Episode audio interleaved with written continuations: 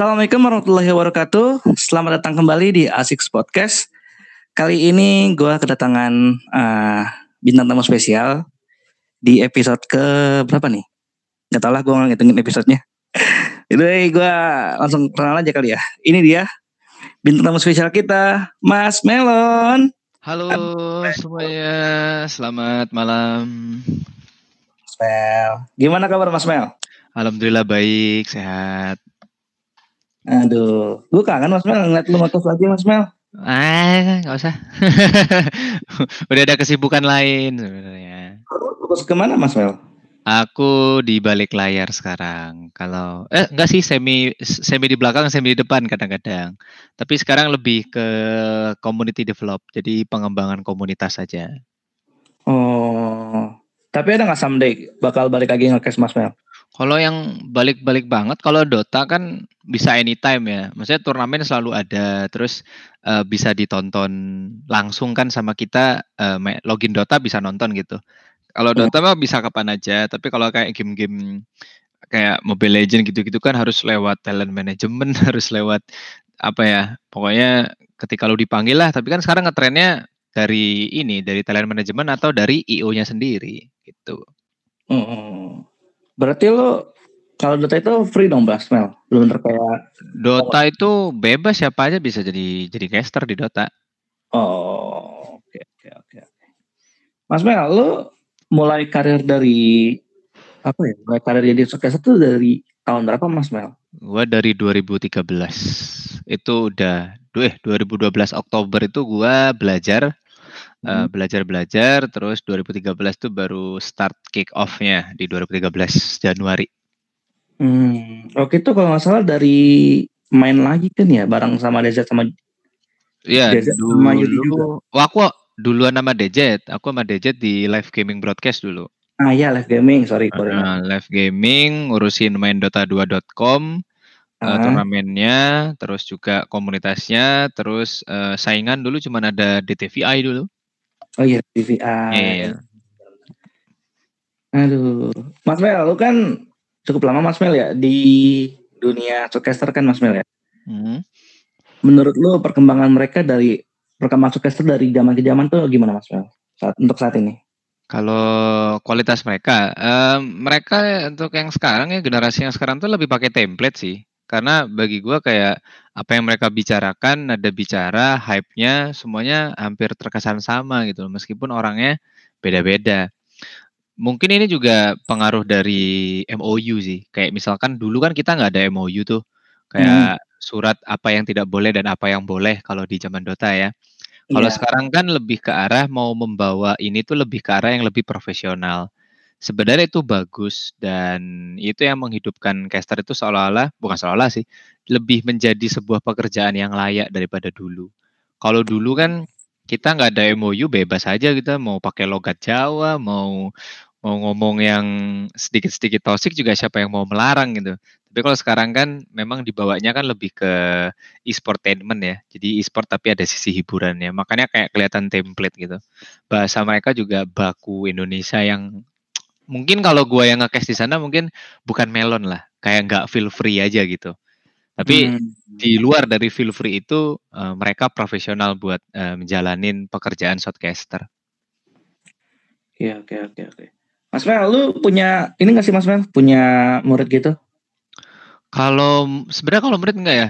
Mungkin kalau dibilang murid sih nggak ada, tapi kalau misalkan teman kolaborasi terus pada jadi caster kayak Pasta kayak dulu kolaborasi sama Kapten Leong uh, hmm. kalau kolaborasi kayak ya mungkin lebih ke orang minta saran gue kasih saran terus dia gede ya paling banyak kan kayak gitu kalau yang murid dilatih paling yang sering bareng dulu merintis ya sama Pasta oh sama Pasta ya benar-benar kayak iya sih gue waktu itu kan gue juga dulu bareng Pasta kan um, tahun-tahun awal dia nge terus cabut ke apa live gaming bareng lu kan iya yeah. dapat bareng lu terus ya udah gue bilang ya udahlah nggak apa-apa di gue kan juga waktu itu kan nggak ada apa nggak ada apa ya nggak ada apa sih nggak ada ikatan juga kan kayak ya udah yeah. kita bareng jadi keluar keluar masuk masuk gitu aja iya terus kayak gue juga kenal dari dari kampus kan waktu itu kan sama-sama satu kampus ya udah tapi gue yang gue kesel satu Mas Mel. Hmm, apa tuh? Dia jadi gue kagak. Oh, it's not about jadi atau enggak sih sebenarnya ya. Kalau jadi tergantung komit. Pasta dulu komit sama gua, tapi gua kick kan karena memang dia kuliah kan. Iya. Maksudnya dulu uh, di revival tuh Pasta sambil kuliah dan gua merasa bahwa kalau dilempar tanggung jawab ke Pasta semua agak susah. Dia bisa kalau misalkan dia lagi free baru ke kantor revival waktu itu yang di Green Lake. Tapi uh, waktu itu gua kasih ke gua kasih suruh event ke Bekasi kalau nggak salah atau Bogor lupa. Nah, juga merasa dia tuh sibuk banget dan jujur gue uh, sebagai orang yang ngajak pasta itu agak susah ngajak dia berkembang karena selalu dibayang-bayangin sama melon kan. Uh, jadi ketika dia ngekes sendiri orang mintanya melon. Terus kalau misalkan melon ngekes sama pasta baru rame tuh penontonnya. Uh, gua nggak mau yang kayak gitu kejadian ke pasta. Basically uh, gua mungkin kenalin pasta di komunitas Dota tapi gue pengennya pasta bisa bergede uh, gede sendiri lah kasarnya. Seiring waktu berjalan gue juga mikir kayak ini orang berpotensi tapi kalau misalkan di revival terus kebayang sama Melon jadinya. Akhirnya ya hmm. ya gue suges buat dia cari tempat yang lain dan ya nemunya MET kayak gitu. Oke oke. Mas Mel kan gue juga mulai hmm, gue lagi mulai tertarik nih sama dunia orkester kan. Jadi hmm. alhamdulillah ya. Jadi um, Garena tuh punya orkester inti lah ibarat katakan. Yeah. Belum terus ada something trouble akhirnya Garena sendiri juga kayak udah capek kan sama caster spesial tersebut. Akhirnya yeah, yeah. gue yang tadinya tier tier 4 lah ya kata lah. Terus tiba-tiba jadi masuk ke tier 1 kan. Nah gue tuh pingin belajar nih Mas Mel biar kembangin potensial gue lagi di dunia showcaster nah Mas Mel ada saran gak sih? Kayak misalnya gue kan kalau ngomong nih suka banget uh, lidah gue kan kayak nggak jelas gitu atau nggak suka kecepatan Hmm. Lu ada saran gak Mas Mel biar gue bisa kontrol tempo omongan gue? Sebenarnya kalau kontrol tempo ya itu tergantung pemahaman sih. Maksudnya kita udah fase banget nggak ngelihat game tersebut. Itu nanti uh, dapatnya dari segi pengalaman. Semakin banyak lu ngekes semakin mudah juga buat ngucapinnya. Kayak ya semua akan terasa kebiasaan gitu. Sebenarnya ngomong kita mau ngomong misalkan melon melon melon seribu kali juga, and then kalau orang ngetes kita nyuruh melon kita akan hafal gitu loh. Jadi ngekes tuh kayak hafalan di bibir karena kita udah biasa melakukan itu jadi kita akhirnya terbiasa. Terus kalau misalkan lidah belibet, lidah belibet tuh sebenarnya antara otak kita sama mulut kita nggak sinkron sih. Itu kadang hmm. ada juga yang bikin gagal fokus. Gagal fokus tuh ada banyak faktor. Misalkan kita lagi main cash nih, kita lagi war. Ternyata cewek cash kita lagi ngomong, wow, wow, wow, wow, seru banget. Wah itu, itu apa namanya? Itu bling, itu uh, Magnusnya maju, itu uh, hero ini. Jadi kayak keganggu. Jadi ketika kita lagi ngomongin uh, war gitu ya, and then hmm. COKS kita ngomong beda dengan apa yang kita omongin, akhirnya tuh konsentrasi kita juga pecah di situ kadang-kadang. Kayak dalam hati kayak ih diem dulu anjir gue lagi ngekes kasarnya kayak gitu ya kasarnya ya, ya. cuman kadang yang terjadi kan banyak banget yang tra- uh, tabrakan makanya rata-rata uh, eh, COKS itu kalau misalkan ada main case ngomong uh, lebih memilih antara diam atau cuman kayak wow wow wow dong wah wah wah wah gitulah istilahnya. Kayak terheran kemudian setelah main caster ngomong baru udah tuh dia uh, mencoba untuk melakukan analis. Itu untuk menghindari eh kita juga harus paham tuh. Ini game kita harus pintar-pintar baca sih baca sikon gamenya sih. Mm-hmm. lu pasti tahu kalau game MOBA gitu kan siapa inisiatornya siapa yang mati duluan. Yang paling penting itu sih. Yang paling penting. Jadi lu udah tahu kalau misalkan ini mati pasti akan terjadi apa. Itu nanti otomatis dari uh, mungkin otak sama mulut kita juga akan sinkron. Jadi nggak perlu banyak kebanyakan mikir. Ketika lu mikir misal, gua kasih mm-hmm. contoh lah, war 55. Lu uh, ngelihatnya supportnya mati dulu. Lu supportnya mati dulu dan lu nggak tahu supportnya mati kenapa, itu pasti akan kata eh. Jadi yang harus difokusin itu. Kira-kira momen mana yang harus lu ambil ketika lu mau ngomong? Mata kita emang seru ngelihatnya, tapi jangan lupa kita juga harus hati-hati untuk baca warnya itu. Ketika hmm. kita hmm. salah baca war atau kita salah baca strategi mereka, kita akan banyak mikir. Apalagi kalau misalnya kita udah ngomong kayak ini pasti nyerangnya pakai uh, strategi gajah misalkan, taunya yang keluar ular misalkan. Kita akan jadi kita akan ngerasa bersalah juga karena udah ngasih salah informasi ke penonton dan kita ngerasa malu juga sama kita kalau kita jadi mikir dua kali kalau misalkan mau ngomong sesuatu di game tersebut. Oke oke oke. By Mas Mel, awal karir lu nih Mas Mel, lu hmm. ada nggak sih orang-orang bahkan sampai sekarang ada orang-orang yang nge sama lu Mas Mel? Nge-hate paling Hmm, kalau yang nge-hate beneran sih kayaknya nggak ada ya. Karena gue selalu percaya lu suka sama orang, lu benci sama orang selalu ada alasan. Dan ketika ada kayak akun-akun bodong ngata-ngatain kayak wah lu caster nggak laku dan sebagainya, bentar lu kalau benci gue alasannya apa dulu? Karena hmm. eh, apa ya? Basically kayak kita melakukan apa pun itu kan yang namanya penyiaran ya. Sekarang hmm. masa pernah sih kita protes sama penyiar radio kan nggak pernah. Kalau misalkan dia misinformasi mungkin oke okay lah saya protes. Tapi kalau misalkan dia ngasih informasi cuaca, memberitakan apa yang ada di TV atau dia bikin acara seminar atau podcast masa kita protes kan enggak. Makanya gue selalu mikir kayak haters kayaknya nggak ada deh.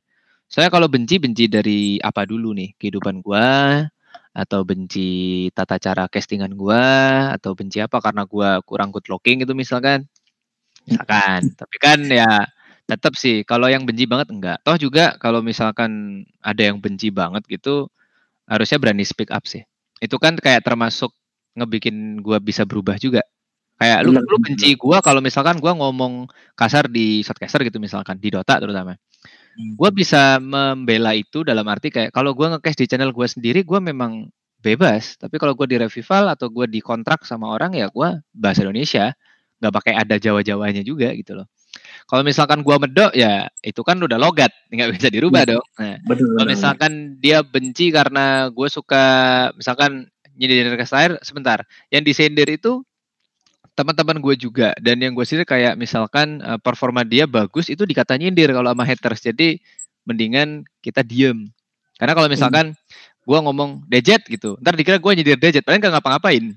Jadi kayak gitu hmm. seolah orang kan hanya untuk mencoba untuk manas-manasin doang dan itu wajar sih. Itu masuk ke strategi namanya viral marketing. Kalau di dunia percasteran tuh sering terjadi dulu dulu gua sama Liga Game. Kita nggak pernah janjian buat saling roasting, cuman yang ngalir begitu aja. Karena basically kan kita juga sama caster sampai ngopi ngopi bareng, nongkrong nongkrong bareng. Gak ada yang tahu kita di belakang, tapi di depan layar kita ya kayak seolah-olah ya roasting roasting aja buat ngeviralin uh, apa ya kawasan Dota lah waktu itu. Hmm. Nah, Mas Mel, lu kan saat ini itu lagi bangun komunitas kan Mas Mel ya, ya kan? Nah, terus dari 2021 nanti kan Dota nih udah mulai aktif lagi nih, kompetitif nih. Hmm. Lu bakal ngekes gak Mas Mel?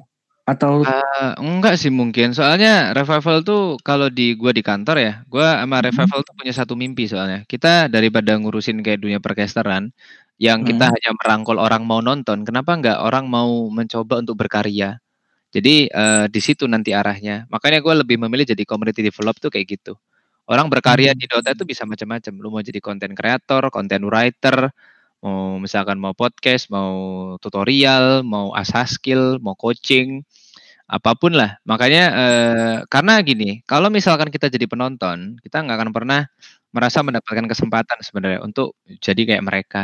Nah, di community develop yang gua sama tujuan revival itu adalah gimana cara yang nonton ini uh, mereka punya kesempatan untuk mengasah skillnya dan kalau misalkan ber mereka berhasil kan juga buat mereka juga. Jadi kalau dibilang ngekes, gua rasa ngekes itu udah cukup sih kalau untuk Dota ya. Dalam arti kayak Dota udah segede gini juga mau diapain, mau casternya siapa pun juga fokusnya orang apa sih cuma nonton doang kan? Nggak ada yang hmm. lain. Tapi kalau community develop kan tujuan orang apa sih? Macam-macam. Dia pengen ngembangin diri dia sendiri, dia pengen ngembangin e-sport di kotanya, dia pengen bisa belajar, lebih ke situ sih. Kalau misalkan lu jadi caster doang, lu nggak bisa ngasih ilmu banyak sebenarnya ke orang-orang terutama pecinta Dota gitu. Iya, iya, iya. Nah, Mas Mel nih pertanyaan gue nih satu nih. Uh, lu kan, sorry ya, lu kan hmm. lu kan salah satu caster yang dibilang tayarnya kan cukup rendah Mas Mel ya. Hmm, hmm, hmm. Gimana gimana? Enggak, lu kan salah satu. Oh, salah satu caster Arkon. Uh, uh, selalu caster, ha? Tayarnya rendah. Iya, oh, tayar iya. rendah. Iya kan? Tayar okay. rendah Arkon, Arkon, Arkon, Arkon. Oh, Arkon, oh ranknya bahasa gue kira ranknya, ranknya. ini ya. Ngomong tayar kan. Oh ya, oh tayar itu. Ya, ya. Rank Arkon lah, yang rendah. Iya, ya, kan? Iya, iya, iya. Nah, menurut lu um, dari dari segi lo ya, dari segi lo ya. Hmm. Caster tuh wajib gak sih punya tayar tinggi? Kalau rank tinggi gitu butuh nggak butuh itu hanya pandangan orang aja sih sebenarnya. Hmm. Jadi ketika kita punya rank Arkon nih, tapi kita hmm. bisa ngekes dan kita menghibur ya kita laku-laku aja. Kita punya rank tinggi tapi kagak bisa ngomong juga percuma. Jadi itu hanya sekedar pandangan orang doang sih kayak basically itu biasanya senjata orang-orang nggak tanggung jawab kayak ah ini casternya Arkon nih, casternya rank rendah nih, mendingan nonton ini, casternya rank tinggi, nggak ngaruh kayak gitu. Mau gua Arkon juga follower gua lebih banyak daripada dia, gitu kasarnya ya. Kalau kita mau flexing flexingan, mau sombong-sombongan, mah selalu ada faktor. Itu cuma nah. hanya pandangan orang buat uh, nunjukin kayak apa ya?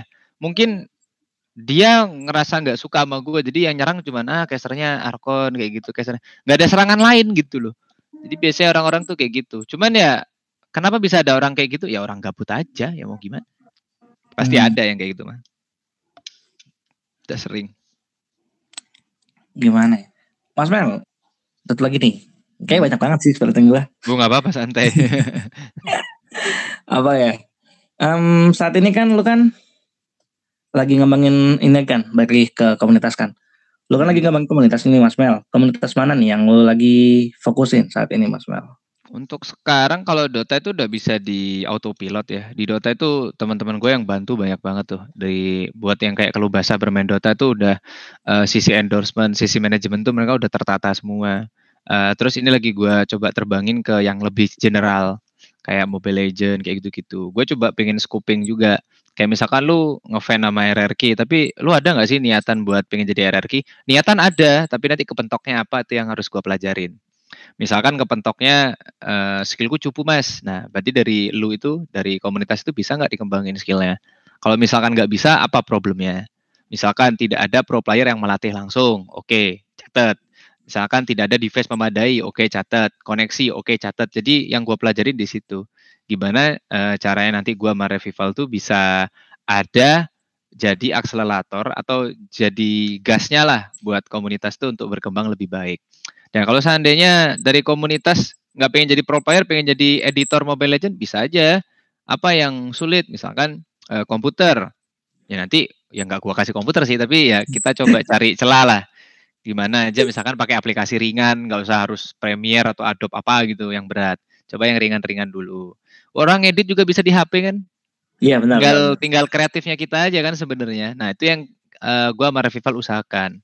Jadi uh, gamers itu gua tahu cuma main doang, tapi sisi kreatifnya itu akan selalu ada dan hal kreatifnya itu akan berbeda dengan kita kita yang udah senior di e-sport. Makanya kita butuh anak muda yang kreatif itu biar kreatifnya muncul kita yang mancing tuh. Hmm.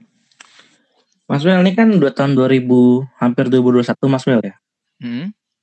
Menurut lu saat ini e-sport Indonesia gimana Mas Mel?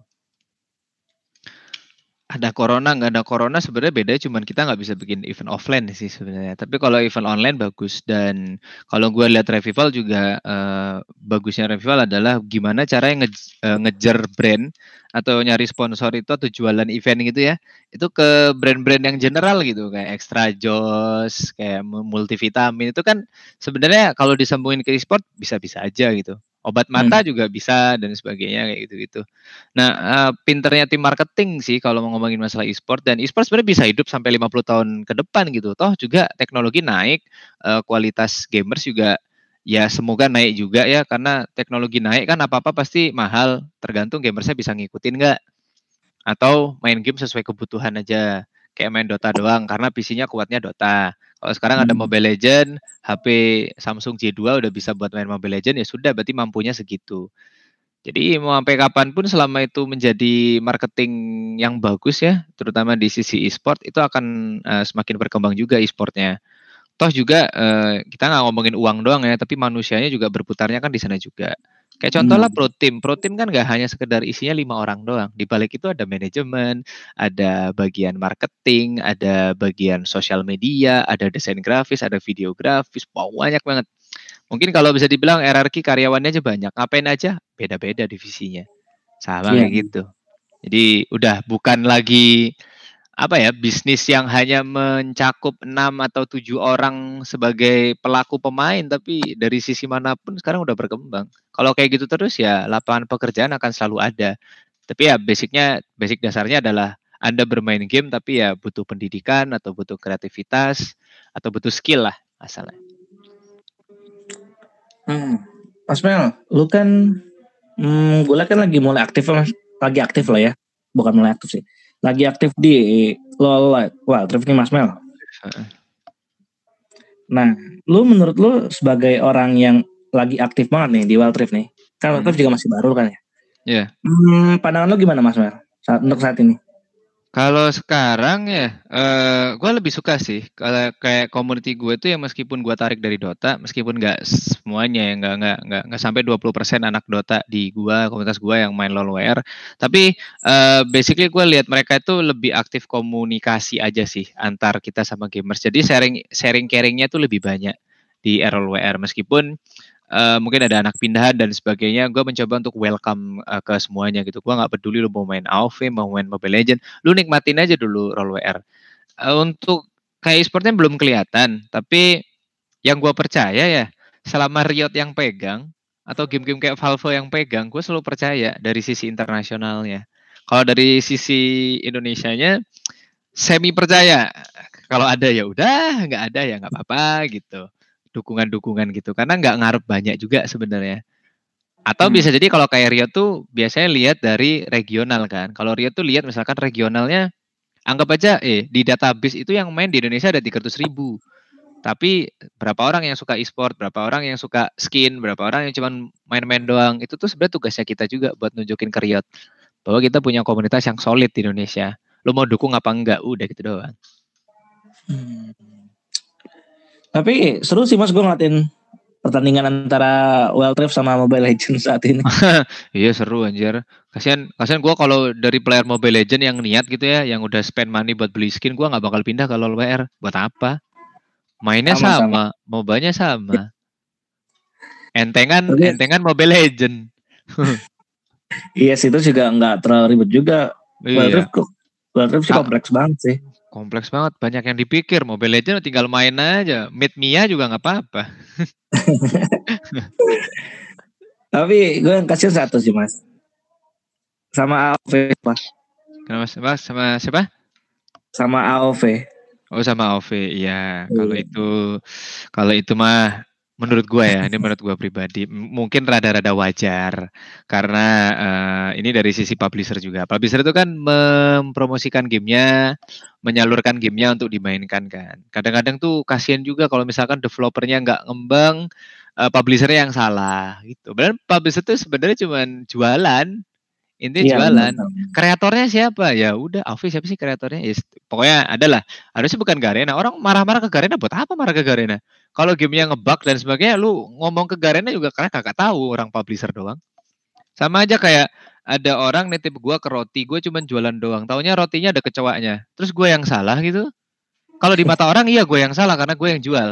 Tapi uh, basically yang gua tahu ya harusnya yang pembuatnya dong itu yang uh, yang terjadi di Indonesia tuh dikira publisher juga pengembang juga. Makanya yang kasihan di Garena udah bolak-balik soalnya dari zaman PB lah, dari zaman uh, LoL PC lah, dari zaman Hon lah. Aduh, sumpah lah. Tapi kuat sih Garena kuat. Maksud gua uh, basically dia publisher yang gede kan semenjak di adanya Free Fire tuh jadi lebih gede lagi. Semua ya. orang-orang ya. juga akan lupa gitu kayak Hon dulu dipegang dipegang Garena begini-begini orang udah lupa. LOL PC dulu sama Garena kalau mau dapat hero mesti pasang billing begini-begini ya orang juga udah lupa. Sekarang udah senang sama Free Fire. Kayak mejanya tuh udah diputer gitu. Garena udah sangat positif sekali sampai sekarang. Bahkan sampai ada CR ya kan masuk ke Free Fire. Iya, makanya gue jadi bingung anjir. Tapi keren sih, maksudnya ya ya new new inilah, maksudnya new marketing lah. Soalnya bosen juga karena nanti someday bahkan gitu dari 2021 lah mungkin kita udah nggak pakai influencer-influencer yang asli bermain Dota udah pakai artis aja angkanya lebih besar nanti akan hmm. seperti itu. Sama kejadiannya kayak yang dulu youtuber marah-marah gara-gara artis masuk. Ya nanti kayak gitu. E-sport akan kayak gitu juga. Artis masuk nanti uh, para seniornya akan merasa bahwa kita kalah sama artis. Dari Bener. segi angka ya. Pasti akan kayak gitu. Orang namanya juga artis punya nama, orang mau berbisnis coba. Lu kalau punya nama kayak artis ya pasti bakal berbisnis, entah jual keripik, entah jual kebab kayak pakai nama lu cukup. Kayak misalkan gue nih, gue jual kaos gambar muka gue, laku laku tapi di komunitas gue doang. Gitu, kasarnya kayak gitu. Orang bisnis mah ngapain kita nggak boleh nggak bolehin silahkan gitu. Tapi Mas Mel, gue tadi setuju sih Mas Mel yang lu bilang Mas. Di mana yang gue agak itu satu Mas Mel kan kemarin kan ada award maksimal ya? Iya. Yeah. Nah itu gue bingung tuh, itu gue bingung tuh gimana caranya Raffi hmm. Ahmad bisa menang. Ya, jadi gini, Raffi Ahmad itu kan bikin lah Rans e-sport Iya. kan. Gue lihat Ah. postingannya. Dibuka trial, lagi mau trial ya kan. Tiba-tiba menang e-sport. Hahaha. Itu Nggak dia yang apa-apa. jadi. Gak apa-apa itu mah, gak apa-apa. Memang banyak yang protes, tapi basically ya kembali lagi bahwa eh mungkin orang-orang sadar ya du- dunia TV itu kan hiburan. Kalaupun Iya. itu gimmick ya gue berterima kasih sebenarnya sama award tersebut. Raffi aja ada e-sportnya. Emak-emak pasti, ayo nak kamu join e-sport, kamu join e-sport. Segitu impactnya. Ibu-ibu pasti kayak gitu ngerasanya. Ih kok Raffi Ahmad punya e-sport? Nak kamu main e-sport gak sih? Kayak gitu-gitu. Pasti akan nyambung tuh eh, insight insight ke orang tua. Daripada misalkan Just No Limit yang menang, siapa nih botak? Itu pasti kayak gitu. Mungkin kita happy karena Iya. idola saya juara. Tapi di mata orang lain, siapa nih botak itu? Masa peduli sama botak kan nggak gitu. Makanya dengan adanya Rans menang, kemudian Ariel itu eh, menunjukkan bahwa eksis gitu loh. Di di di, di tier tier selebriti ya. Di atas itu e-sport tuh ada impact di atas. Nah, kalau sudah ada impact di atas, kita eh, sebagai senior senior tuh ngelihatnya kayak wah terima kasih. Lebih banyak terima kasih daripada gua kecewa sih. Gue terima kasih banget. Bukan berarti kayak apakah award itu harus yang benar-benar itu enggak kan by voting. Kalau by voting kan memang ya tergantung hitungannya banyak banyak follow, follower atau banyak-banyakan fans aja gitu. Coba Hmm. bayangin kalau misalkan itu ada jurinya. Jurinya misalkan dari sisi shotcaster ada gua misalkan. Jadi eh, mungkin acara awardnya itu ada dua impactfulnya. Yang pertama awarding, yang kedua menghargai senior di dunia e-sport. Kayak gitu.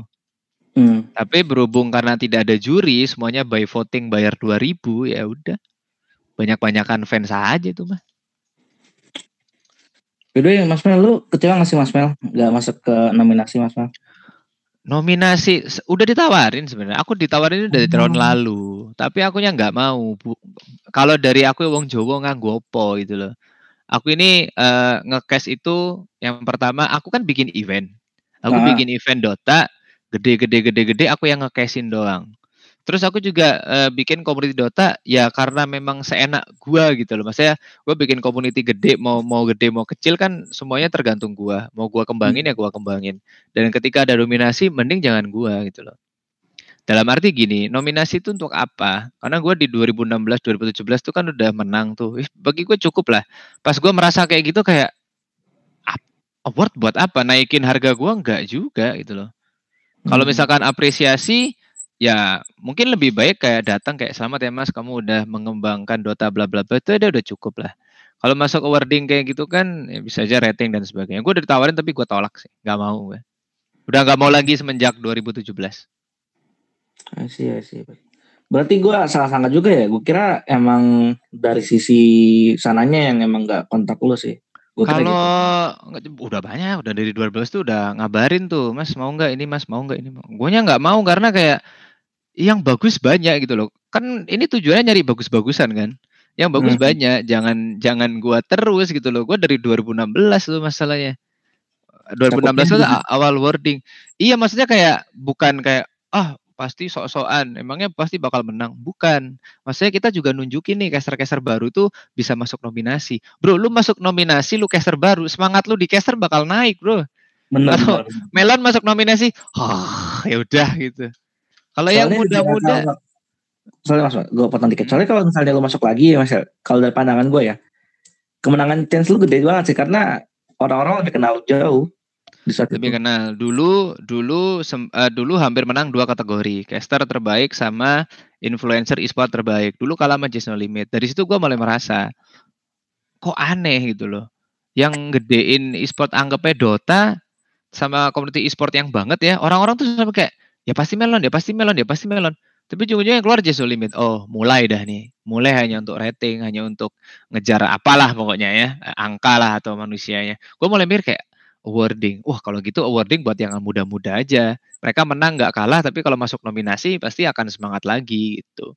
Hmm. Karena awarding ya bagi sama lah kayak revival. Revival eh, kayak semacam awarding tapi pemilihan. Jadi kita yang milih siapa pejuangnya. Akhirnya muncul kata-kata Nixia, eh, Next Jack. Emang Next Jack sama Nixia pernah masuk awarding kayak gitu? Nggak pernah. Tapi kita mencoba menghargai senior sih, lebih kayak gitu. I see, I see. Yaudah Mas Mel, nih gue ada dua pertanyaan terakhir nih Mas Mel. Pertama mm, tentang Dota nih. menurut lu Dota 2 Indonesia bakal kayak gimana Mas Mel di 2021? Bakal masuk TI enggak? Eh. Dari Army Genius. Kalau untuk sekarang gue lebih suka ya karena sistem DPI-nya Dota kan udah berbeda tuh. Udah nggak Hmm. kayak tahun-tahun lalu ya. Sekarang per region kan ya. Gue percaya bahwa Indonesia bisa. Bisa jebol Asia Tenggara berarti bisa jebol internasional. Terima kasih Papa Gaben sudah memberikan jalan yang bagus. Tapi ini DP, eh, DPC-nya masih dalam sistem bug sih. Masih kayak trial and error gitu loh. Jadi kita eh, akan menunggu sampai liganya berjalan dan ngelihat kurangnya apa, eh, bagusnya apa. Karena kalau kayak DPC yang tahun lalu itu kan pakai poin. Semakin kita sering ikut turnamen, semakin dapat poinnya. Tapi turnamen yang dari Valve ya. Hmm. Tapi kalau sekarang kan Valve bikin liganya, terus kalian mesti ikut di situ terus komitmen. Nah, sebelum komitmen masuk ke liganya ada kualifikasi lagi, itu lebih lebih solid. Dan regionalnya juga diganti, jadi kita nggak bakal ketemu sama Cina gitulah, nggak ketemu ke Cina, nggak ketemu eh, Europe gitu-gitu yang di minor major itu udah nggak ada lagi. Hmm. Oke oke. By the way Mas Mel, gua turun ya jadi jadi apa jadi agak panjang lagi nih. Nah, Gua apa-apa. Nih, em, Larindo kan udah mulai laku Mas Mel ya di luar ya. Hmm. Udah mulai laku nih. Hmm, kira-kira bakal ada lagi nggak sih Mas Mel kayak menurut lo yang di Indonesia kan sekarang kan bahkan Sandy Lucas kan juga udah pindah kan ya ke mobile Iya. sampai ya, kan? kan? Iya.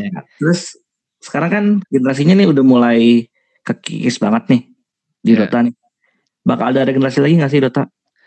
Kalau Dota regenerasi jujur mampet nih sekarang nih, mampet. Gue belum melihat ada potensi orang-orang pro sekarang. Karena ya jujur-jujuran juga sayang banget kalau dulu lu main Dota tujuan lu TI, ada teman buat berkembang. Tapi ketika sekarang ketika lu pengen berkembang teman lu main Mobile Legend. Jadi ya kagak bisa ngapa-ngapain lagi di Dota sebenarnya. Mau berangkat sendiri juga kagak ada temen dong. Ya kalau Hmm. syukur-syukur ada yang mau teman online satu di Malang, Jakarta, Surabaya kalau mau ya. Tapi itu kan kayak chance-nya kecil banget nyari tim yang kayak gitu. Kalau cabutan kayak gitu lu cuma bisa ikut turnamen online, kagak ikut- ikutan turnamen offline. Siapa yang mau bayarin lu gitu? Kasarnya kayak gitu. Kalau untuk generasi jelas mampet sangat sih. Eh bisa beda era itu mungkin sekitar 4 5 tahun lagi lah baru generasi yang muncul. Dan itu pun masih random, masih ada nggak yang main PC? Itu doang. Bener-bener sih bener-bener. Susah banget tuh. Ancaman A- di Indo sih emang satu sih itu. Iya, ya itu memang ancaman yang paling mengerikan di dunia PC itu adalah teknologi yang semakin berkembang, siap nggak gamersnya buat ngikutin. Kalau dari komputer berkembang nih ya, dari brand-brand Nvidia, AMD dan sebagainya, kemudian Samsung dan lainnya juga berkembang secara smartphone ya, orang akan semakin bingung dengan dua pilihan. Akhirnya solusinya cuma satu, mana yang nggak buang-buang waktu, Dah. Hmm. Mobile kah atau PC kah? Hmm. By the way Mas Mel, nih soal Dota nih. Eh, di Dota kali ini apa ya? Gue mau ngomong gue lupa kan. Oh ya, soal liga. Emang Liga. liganya belum mulai Mas Mel ya? Di tahun Kalau ini? yang DPC tahun depan, Februari apa Januari gitu DPC. Soalnya Oh. kan eh, memang sengaja sistem poin aja dan mainnya di rumah aja, nggak sampai kayak yang minor major. Tapi ada hadiahnya tetap lebih bagusan gitu. Kalau Hmm. sekarang mah, kalau eh, kayak misalkan kalau misalkan nggak jalan Januari Februari ya paling Maret lah. Soalnya kan dia mesti ngejar Agustus kan, Agustus kan harus ada TI. Jadi cuma ada Hmm. waktu cuma ada waktu lima bulan dia bikin DPC-nya. Berarti eh, tahun ini benar-benar DPC-nya kayak nggak berguna Mas Mel atau dikumpulin bisa juga? Eh diharas dulu aja. Jadi kan tahun-tahun ini kan nggak ada TI ya. Jadi Ah. nanti lima, lima bulan tuh ngebut sistem liganya. Kalau bisa dihajar aja biar kita nemu sistem DPC-nya langsung ada TI. Gitu. Enggak maksud gue, maksud gue gini Mas Mel. Eh, kan di bulan di tahun ini tuh nggak ada sistem DPC sama sekali Mas Mel. Nggak ada mati. TI-nya nggak ada soalnya. Oh. Corona kan. Corona Iya. Val- Tapi ya kalau Battle Pass tetap ada. Eh, Valve-nya oh, cari iya. duit. Iya ya. Berarti Battle Pass tahun ini hadiahnya dua tahun depan dong? Atau Ya, gimana? aku nggak tahu deh kalau yang masalah itu. Tapi harusnya digabung sama tahun depan. Atau Iya. paling nggak Battle Pass digratisin untuk tahun yang depan ini. Eh, tapi ya, tapi ya marketing bisnis gua agak bingung di sama Valve. Eh, mereka cerdas di saat waktu yang tepat tim marketingnya itu. Orang Hmm. lagi corona, orang suruh beli Battle Pass anjir. Tapi, Tapi ada aja yang beli, ya makanya. Bingung aing. Sebenarnya orang pas corona ini miskin gak sih? Aduh. Bingung anjir. Aduh tadi gue udah dapet tuh. Gue tadi mau ngomong apa kan sambil mikir-mikir. gue lupa. Oh, Ini Lu ngomong caster terbaik siapa di Indonesia sekarang? Uh, hmm, gue bilang Walfa sama eh Walfa kan. Wolfi. Wolfi sama Pasta. Sekarang Oke, okay. Wolfi sama Pasta. Sayang yeah. banget Pasta di lock di PUBG M. Kalau dia bisa lebih general, gue yakin nama dia bakal lebih naik lagi. Tapi ya di lock di PUBG wajar lah. Lagian juga uh, dia orangnya pasta tuh pengennya 100% di sana. Jadi kalau di PUBG PUBG aja. Kayak gitu. Tapi kayak sekarang caster pada di lock semua deh Mas Mel. Iya, jadi namanya inkubator. Kalau bahasa di penyiaran itu namanya inkubator. Ini belajar di Radio Republik Indonesia ya. Jadi bokap gua kan uh, penyiar radio juga di budaya. Jadi di lock di budaya aja. Terus kakak gua di bagian anak muda, di lock di anak muda aja. Jadi semuanya di lock di situ. Karena begini, ketika uh, model kayak Melon gitu ya. Melon hmm. nge Valorant, oke okay, gue tinggal belajar, gue bisa nge tapi uh, nggak bisa Melon merangkul semua penonton itu nggak bisa. Nah, daripada sekarang ketika anggap PKB yang dari Mobile Legend ke PUBG M, orang pasti akan protes tuh pasti. Protes itu efeknya bisa aja ke dua game dua game yang berbeda ini atau ke KB-nya sendiri itu sangat berbahaya tuh. Kalau udah kayak gitu kasihan talentnya biasanya. Hmm. Tapi beda banget Mas Mel sama zaman dulu ya. Zaman dulu. Dulu bebas mah dulu. CSG, CSGO ya Lon? Oke. Okay. Oke Lon? Uh, oke oke. Gue belajar dulu ya oke. Okay. gitu. Jadi biasanya pesan gue kayak Lon gue bulan depan ada Mobile Legend nih. Oke okay, siap. Gue belajar dulu. Ya udah gue tinggal belajar ngapalin hero yang biasa di pick terus ngekes ngekes aja. Karena basicnya sama. Ya benar benar benar nah ini hmm. yang ya, susah ya, itu yang susah tuh nge-maintain penonton itu loh. Per, bisa penonton percaya sama kita nggak kalau kita penyiar radio eh kita caster atau kita ya pokoknya sama kayak penyiar radio lah. Apa yang kita ucapkan mereka senang mereka tertawa mereka bisa merasakan apa pun lah perasaan mereka. Tapi kalau misalkan kita nggak bisa menyampaikan saat kita mengcasting berarti ada ada sedikit kegagalan kita sebagai seorang shotcaster kayak gitu. Nih Mas Mel nih buat para buat para caster-caster baru nih. Uh, kan gua tuh di Garena kan banyak banget tuh yang bully caster baru tuh. nih pengalaman banget nih soalnya apa kayak sampai caster caster baru tuh nggak ada yang berani baca kolom chat tuh Mel. Lu ada lemah. buat mereka. Baca, baca. Kalau yang kayak gitu baca. Gue lebih suka yang kayak gitu itu makanan buat gue setiap hari tuh. Misalnya ada yang ngatain gue kayak, ah lu udah caster nggak laku kalah sama anonim dan, uh gue baca sama itu gua baca dan ketika uh, gua melakukan sesuatu orang nggak akan bisa protes lagi gitu loh. Misalkan anggapnya gini, lu dibacotin karena anggapnya lu baru atau lu nggak ngerti tentang statistik game, uh, statistik game. Kamu harus paham. Kamu dibacotin dalam hal apa dulu? Misalkan, ah bacot ramen anonim itu fakta dan harus lu terima. Kalau misalkan lu dibacotin, ah ini nggak ngerti mechanical game, berarti itu udah termasuk kritik yang harus rubah. Berarti lu tinggal belajar statistik game kan? Simple. Lu dibacotin karena lu nggak apal hero, ya berarti lu apalin dong hero-nya. Simple. Apalagi dibacotinnya biasanya. Uh, kalau yang masalah muka ya agak susah ya. Kalau itu mah takdirnya. Ini cetakannya gini bang, gitu. Tapi kalau dibacotin hal-hal yang berbau-bau untuk kita lebih berkembang lagi ya bagus. Kalau misalkan ah Melon ini ngecash cuma final doang, nggak niat. Ya emang gua nganet orang gua ngantor. Ya gitu gitulah uh, apa ya? Kayak bacotan orang tuh masih bisa dianulir lah kalau misalkan kita lumayan terbuka sama viewer. Kadang seperti itu. Justru ketika kita nanggepin yang toxic dan kita mau ngerubah, itu akan jadi nilai plus untuk viewer. Tapi ketika kita mencoba untuk cuek, mereka akan seperti itu terus. Karena kok tidak ada perubahan. Misalkan, minggu ini gue bacotin lu, lu nggak apal skill. Minggu depan lu masih nggak apal skill. Ya gue bacotin lagi. Sampai lu bisa apal skill. Jadi kayak gitu. Berarti alpha skill itu perlu banget Mas Mel bukan kayak cuman sebut skill satu skill dua ulti. Iya, stun stun stun apa ya di stun aja. Biasaan orang kan gitu, tapi gue juga suka gitu ya karena basically kadang kalau MOBA itu kan cepet ya warnya ya. Kita nggak yeah. sempat ngomongin masalah skillnya tiba-tiba warnya udah udah kelar aja. Daripada kita terlambat ngucapinnya jadi kita ngomongnya stun gitu.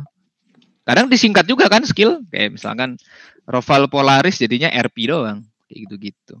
Hmm. Ya, namanya juga orang itu akan protes setiap hari lah. Kitanya tinggal ngerubah aja. Kita ngikutin apa maunya dia. Kalau misalkan kita udah mencoba ngerubah, belajar skill ya, belajar skill, belajar statistik, mereka masih nggak terima ya, jalan satu-satunya adalah ya bersabar. sabar ngadepin orang-orang gitu mah sabar. Gue kasihan itu ngeliat kan ada tuh caster baru di Garena kan. Itu bocah banget sih bener kayak bocah 16 tahunan lah kurang lebih lah. Iya, cuman dibully abis-abisan. Iya, setiap dia ngecast tuh di kolom chat itu ditutup sama Garena kan demi kebaikan juga kan. Paling dia ngecast tuh isinya bulian semua gue liat gue gila nih orang-orang nih. Ah, kalau yang kayak gitu gampang ngapusnya. Lu tinggal aja live stream sendiri. Si siapa bocahnya. Live stream sendiri open dah. Apa aja yang ngebikin dia nggak suka sama tuh bocah. Gue dulu gue sih gitu. Jadi dulu kenapa gue jadi streamer ya alasannya itu. Di in game chat Dota itu banyak banget yang ngatain gue dan gue buka sesi live stream cuma kayak semacam Q&A tapi gue sambil main Dota. Lu boleh ngujat gue, yuk kita ngobrol apa yang perlu dirubah gitu. Ketika kita hmm. bisa merubah itu orang akan respect ke kita. Itu sebenarnya antisipasi hater sih. Atau bisa aja lu cuekin. But kalau dicuekin ya orang akan begitu terus. Berarti lebih tepat, lebih tepatnya tuh bikin orang haters itu puas dengan cara ya udah lu um, lu bilang ke gua apa yang kurang dari gua mungkin yeah. kalau misalkan dari segi casting ya kalau misalkan dari segi casting menurut lu gua kurang kurangnya di mana? Itu baru bisa disaran atau kritik. Kalau misalkan ya kayak yang tadi kayak mau muka kayak mau tiba-tiba uh, hujat kehidupan gua nah itu baru udah masuk personal. Kalau personal mah cuekin aja. Kalau selama itu masih in game atau selama game AoV ya nggak apa-apa. Kalau personal skip aja ini Mas Mel, pertanyaan terakhir nih. Hmm? Sebelum lu pindah, eh sebelum lu minat buat pensiun nih Mas Mel, lu sempat gak hmm. kepikiran pengen nge game lain? Maksud gua, gua, gua gak pernah kepikiran nge game Mobile Legend. Mobile Legend rilis aja gua gak peduli. oh. Karena gue masih cinta apa yang gue ciptain. Kan gue menciptakan KBBD bersama orang-orang yang sama-sama merintis dari gue. Ya gue lebih sukanya di situ sih. Menurut gue itu zona nyaman dan zona aman gue sih karena hmm. uh, eh, gue bisa menciptakan community juga nggak nggak pakai kencering jadi ya. Tapi benar, benar. harus pakai usaha. Sebenarnya gue bisa aja ke Mobile Legend. Cuman tetap kembali lagi bahwa basically nggak bisa melon terus pak. Apa pun itu melan melon pusing pala ini mau caster melon mau ini melan melon ya melan melon. Ya gue capek nah, dalam arti kayak capek kayak bro yang bagus banyak gitu loh. Dan itu tugas gue juga untuk menunjukkan bahwa caster itu banyak yang bagus. Gak cuma melon melon melon melon. 2015 kayak gitu soalnya. Papa melon apa papa melon. Sampai capek gue ngasih ngasih job ke orang. Eh demo ke sini nggak demo ke sini nggak. Karena gue kecapean sendiri itu bukan buat uh, bukan cuma tentang duit ya yang gue job ambil semua itu enggak cuy tapi aku pengen ngasih kesempatan sama yang lain juga. Aku pengen tahu kalau someday dia lebih bagus daripada gue itu juga udah nilai plus. Jadi gue bisa kayak wah ini bagus nih, tinggal gue tinggal sisi marketingnya aja. Ayo guys, hmm. Dota rame, Dota rame, Dota. Impactnya juga ke gue soalnya pasti. Kayak misalkan eh, sekarang Dota terakhir tuh bisa nyampe dua puluh ribu. Ya gue tinggal jual aja ke sponsor. Nih Dota dua puluh ribu, mau nggak bikin turnamen? Kayak gitu. Jadi kan ya tetap aja sisi gue yang untung, mau siapa pun casternya. Gitu. Yang penting kan ada bukti konkret. Kalau ditanya misalkan, oke okay, casternya siapa tuh 20 ribu? WXC. Nanti live streamnya kita pakai siapa? Iya pakai WXC. Selesai. Ngapain ambil pusing? Gue mah sebagai event organizer sama uh, sama tim-tim media mah tinggal mempromosikan aja. Apalagi kan lu juga sekarang gerak di dalam komunitas Mas Mel ya. Iya lebih gampang lagi. Komunitas sukanya anonim, eh, sudah lu nonton aja. Ngapain ngurusin gue? Gue mah kalau misalkan ngomongin stream Dota ada duitnya, tergantung. Kalau dulu kan gue pasang PayPal gitu-gitu kan dibacotin sama community. Sama beberapa haters gue gitu ngomongnya gini, ngemis lu, caster kok ngemis gitu. Sekarang semua caster pakai Saweria. Iya, jadi Iya, lu mau ngatain caster ngemis lu, semua ngemis. ya jadi ya susah. Tapi ya itu itu namanya tren, tren. Dulu gue mencoba live stream ngajak pro player, terus sekarang jadi tren ya bagus lah. Gitu. Nah apalah sebagai ya. orang pelopor Lagian Nah, pelopor lagi pelopor udah pasti dihujat kan, mau gimana? Karena nanti akan ada sesuatu yang baru, baru, baru, baru, baru. Orang akan selalu membanding-bandingkan. Kita mah pioner udah dapat zona aman, ya, zona aman, ya sudah santai aja. Kecuali kalau kita udah pioner tapi and then kita nggak punya apa-apa terus kita ber berdiam di e-sport ya lu hilang gitu. Tapi kalau misalkan lu masih bisa bergerak, Kalau misalkan lu kalah di dunia shortcasting atau udah nggak tren lagi ya lu harus cari sisi tren yang lain. Atau juga orang ngefollow gue bukan karena gue pinter nge doang, tapi kayak gimana cara gue nge-manage community, uh, gue bikin konten buat uh, e-sport community, kemudian gue bikin semacam podcast, gue bikin ini itu kan orang banyak ngikutinya dengan ada alasannya gitu loh, nggak cuma caster doang. Siapa tahu orang nge-follow gue karena gue jadi suami yang baik gitu misalkan. Ada pasti ya kan ngelihat gue sama bini gue santai gitu. Ada pasti. Oh ya Mas Mel lu tinggal di, di Jakarta berarti sendirian Mas Mel? Sendirian, gue di kos sendirian. Jadi no lab gue di sini anjir. Waktu itu kayaknya sempat membawa istri Mas Mel? Sempat, nggak betah istri gue. Udah nyoba ngontrak rumah, nggak betah apartemen nggak betah. Akhirnya nyoba terakhir kos kosan juga nggak betah ya udahlah. Lagi emang anginnya anginnya Jakarta nggak asik. Jadinya bini gue kayak kasihan anak-anak juga kan. Uh, oke oke udah okay. nyaman di Malang. Aduh nggak berasa juga ya. Hmm. ngobrol ngobrol sama gue bisa tiga jam empat jam biasanya kalau ngomongin beginian mah. Mas Mel, by the way, sebelum kita tutup nih, lo ada kata-kata terakhir nggak? Buat pertama buat inilah, pertama buat komunitas dulu lah.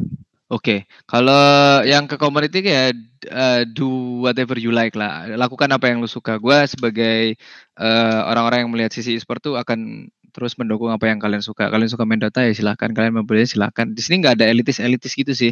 Karena percuma elitis toh juga nggak jadi pro player kan. Kalau hmm. lu elitis terus pro player ya gue akui gitu loh. Kayak misalkan IED ngomong Dota lebih bagus dari Mobile Legend. Gue percaya sama lu IED gitu. Tapi kalau yang ngomong orang lain ya nggak akan ada impact sama sekali. Dan buat community juga kembangin diri lu ya tentu dengan uh, kreativitas karena jangan lupa e-sport ini nanti akan masuk ke ranah anak-anak muda zaman sekarang. Yang diperlukan adalah sisi kreativitas dan juga pendidikan. Ya gitu. Nah, buat shortcaster nih Mas Mel, ada nggak? Shortcaster ikut manajemen. Dah itu doang. Eh, hmm. ikut manajemen. Kalau misalkan aku nggak punya manajemen, tawarin diri lu ke manajemen. Meskipun lu AOV di Bikang Garena, tetap di manajemen. Kenapa? Kalau misalkan lu masuk manajemen, lu dapat circle yang namanya shotcaster juga. Karena udah satu bendera, lu bisa dapat ilmu dari shotcaster lain. Atau kalau misalkan nggak bisa menambah ilmu, paling nggak belajar bareng lah minimal. Ya, berarti intinya hmm, buat shotcaster lebih ini ya, lebih fokus dulu Mas. Misalnya kalau emang mau mulai orkestra seenggaknya bikin video on demand dulu nggak Mas Mel? Hmm, ya pastilah. Uh, nanti kan biasanya kalau talent management tuh ya lihat YouTube channel lu. Kalau kayak AOV itu misalkan lu ngerasa bahwa lu nggak ada match buat yang dikesterin karena uh, yang turnamen internasionalnya atau Indo Pride-nya semua harus official dari Garena, ya lu bikin turnamen gitu cukup ribet. Ya, lu bikin turnamen hmm. arisan 50 ribu registrasi, yang ikut 8 tim, ya lu atur aja jadwal live streamnya 8 tim tanding. Simple. Itu hanya karena tinggal kadar kita males enggaknya sih sudah. PUBG M pun juga kayak gitu. Yang BTR main official, ya lu bikin turnamen sendiri lah, lu cashin sendiri. Itu udah paling worth it. Lu udah dapat konten, lu dapat YouTube channel lu aktif, lu dapat hasil lu ke cash. Tinggal jual aja ke manajemen. Manajemen suka, ya lu dipanggil. Selesai. Oke lah. By the way, Mas Mel. Thank you ya. Udah Siap. kasih sama-sama. Gue baru diundang ke sini, keren. Ah, ya, gue juga baru tahu gue ada link, gue kira Discord aja, serius dah. Nah ini Anchor, jadi dia satu, ini dari gue, biasa biasa kan gue upload nih. Ya, uh. Kalau gue upload nanti itu langsung masuk ke Spotify nyambungnya. Wow, nice. Ah. Baru tahu gue yang beginian. Oke, okay, nice one. Thank you Mas Mel udah mampir. Terima kasih banyak. Awal mula awal mula gue mengundang lu nih mikir-mikir Mas Mel. Uh, karena ini masih gue masih apa masih kecil banget. Terus juga cobain aja lah mau Mas Mel siapa tau mau kan. Eh mau alhamdulillah. Eh gue mah kalau begini pasti mau aja kalau kosong aja. Oke lah makasih ya Mas Mel udah mampir. Sama-sama. Dadah. Ya, gue closing dulu ya. Siap. Baik. makasih buat para uh, asik apa listener asik podcast yang udah dengerin Mas Mel dan gue juga uh, ngomong-ngomong panjang lebar tentang dunia podcaster. Dan maaf bila ada kata-kata yang salah dari kita berdua. Hmm, kita pamit dulu undur diri. Gua Rizky dan juga Wih, saya Melon. pamit dulu sampai jumpa di podcast berikutnya. Bye bye.